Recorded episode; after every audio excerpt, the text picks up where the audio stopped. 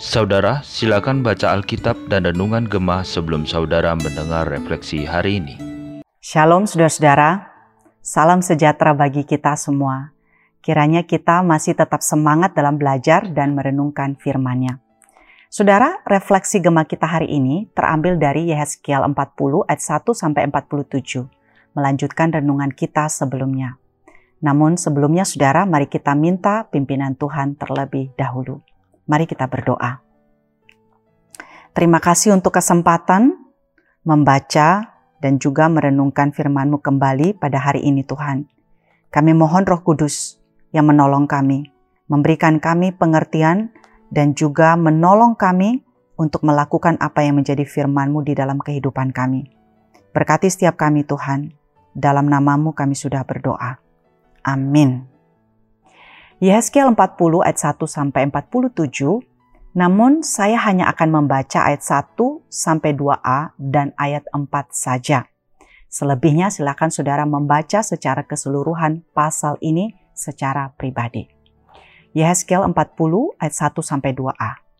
Dalam tahun ke-25 sesudah pembuangan kami, yaitu pada permulaan tahun pada tanggal 10 bulan itu, dalam tahun ke-14 sesudah kota itu ditaklukkan. Pada hari itu juga kekuasaan Tuhan meliputi aku dan dibawanya aku dalam penglihatan-penglihatan ilahi ke tanah Israel dan menempatkan aku di atas sebuah gunung yang tinggi sekali. Ayat 4. Orang itu berbicara kepadaku, Hai anak manusia, lihatlah dengan teliti dan dengarlah dengan sungguh-sungguh dan perhatikanlah baik-baik segala sesuatu yang akan kuperlihatkan kepadamu. Sebab untuk itulah engkau dibawa kemari, supaya aku memperlihatkan semuanya itu kepadamu. Beritahukanlah segala sesuatu yang kau lihat kepada kaum Israel. Saudara, kitab Yehezkiel diawali dengan penglihatan yang diberikan Tuhan tentang kemuliaannya, di mana kemudian kemuliaan Tuhan meninggalkan baitnya, di mana seharusnya kemuliaan Tuhan berada di situ. Namun karena kekejian yang dilakukan oleh umatnya Israel, saudara, Tuhan meninggalkan baitnya. Nah pasal 40 ini kembali menceritakan penglihatan tentang kemuliaan Allah kembali ke bait Allah. Di mana saudara penglihatan itu dimulai dengan penglihatan yang menyerupai sebuah kota di atas gunung di mana bait suci saudara terdapat di situ. Nah, dalam penglihatan itu, saudara, Yehezkiel dibawa mengunjungi bagian terluar bait suci, kemudian gerbang timur, utara, selatan, pelataran, dan pelataran dalam. Nah, yang dimaksud dengan pelataran dalam ini adalah tempat di mana imam mempersembahkan korban di altar bagi pengampunan dosa.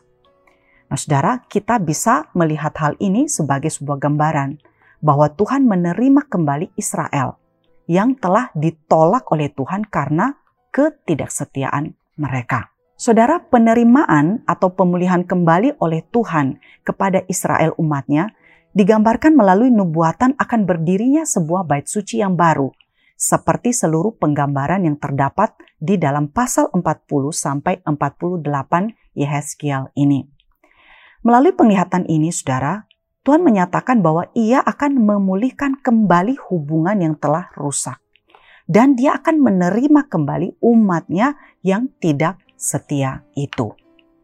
Saudara, di sini kita melihat bahwa murka Allah sering kali beriringan dengan kasihnya yang memulihkan. Nah, orang-orang Israel yang berada di pembuangan, mereka yang merasa dibuang dan ditinggalkan, diasingkan oleh Allah, yang mungkin juga sudah kehilangan pengharapan karena apa yang mereka alami di pembuangan itu. Melalui penglihatan ini, saudara, mereka diberitahukan bahwa tidak selama-lamanya Tuhan akan membuang mereka.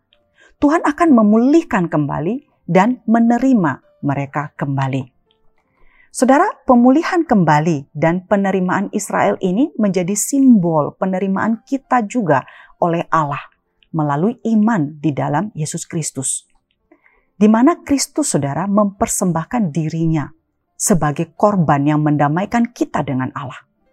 Manusia yang berdosa saudara, yang meninggalkan Allah, yang tidak setia, akan diampuni dan diterima kembali oleh Allah melalui iman kepada Kristus yang adalah pendamai kita dengan Allah.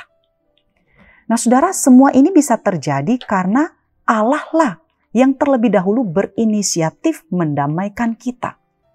Nah, tentu saja pemulihan Allah ini baru bisa terjadi jikalau seperti yang dicatat di dalam 2 Tawarik 7 ayat 14. Dan umatku yang atasnya namaku disebut, merendahkan diri, berdoa, dan mencari wajahku, lalu berbalik dari jalan-jalannya yang jahat, maka aku akan mendengar dari sorga dan mengampuni dosa mereka, serta memulihkan negeri mereka. Saudara, kita bersyukur karena Allah mau menerima kembali manusia, menerima kita kembali, mengampuni, dan memulihkan kembali umatnya. Nah tentu saja dengan perendahan diri, berbalik dengan sungguh-sungguh ke jalan yang benar, dan mencari wajah Tuhan dengan sungguh-sungguh. Saudara, renungan ini kiranya menjadi panggilan bagi setiap kita yang mungkin sedang menjauh dari Tuhan, sedang hidup di dalam dosa. Kiranya kita bisa kembali kepada Dia, Allah kita yang sesungguhnya mengasihi kita. Kiranya pengampunan dan pemulihan bagi kita melalui pengorbanan Kristus itu, saudara, tidak kita anggap sebagai sesuatu yang murahan, yang bisa dipermainkan, sehingga kita berulang kali dan terus-menerus hidup di dalam dosa. Amin. Mari kita sekali lagi tutup di dalam doa. Terima kasih sekali lagi untuk firman-Mu Tuhan. Kami bersyukur bahwa Israel umatmu yang meninggalkan Engkau, yang Engkau hukum tapi kemudian Engkau memulihkan mereka kembali, menerima mereka kembali. Tuhan, biarlah ini menjadi perenungan bagi kami, bagi setiap kami yang mungkin jauh daripada Tuhan, yang meninggalkan Tuhan, yang tidak setia kepa kepada Tuhan. Biar kami kembali kepada Engkau, Allah kami, yang mengasihi kami. Terima kasih untuk firman-Mu Tuhan. Berkatilah setiap kami. Dalam nama Tuhan kami Yesus Kristus, kami sudah berdoa. Amin.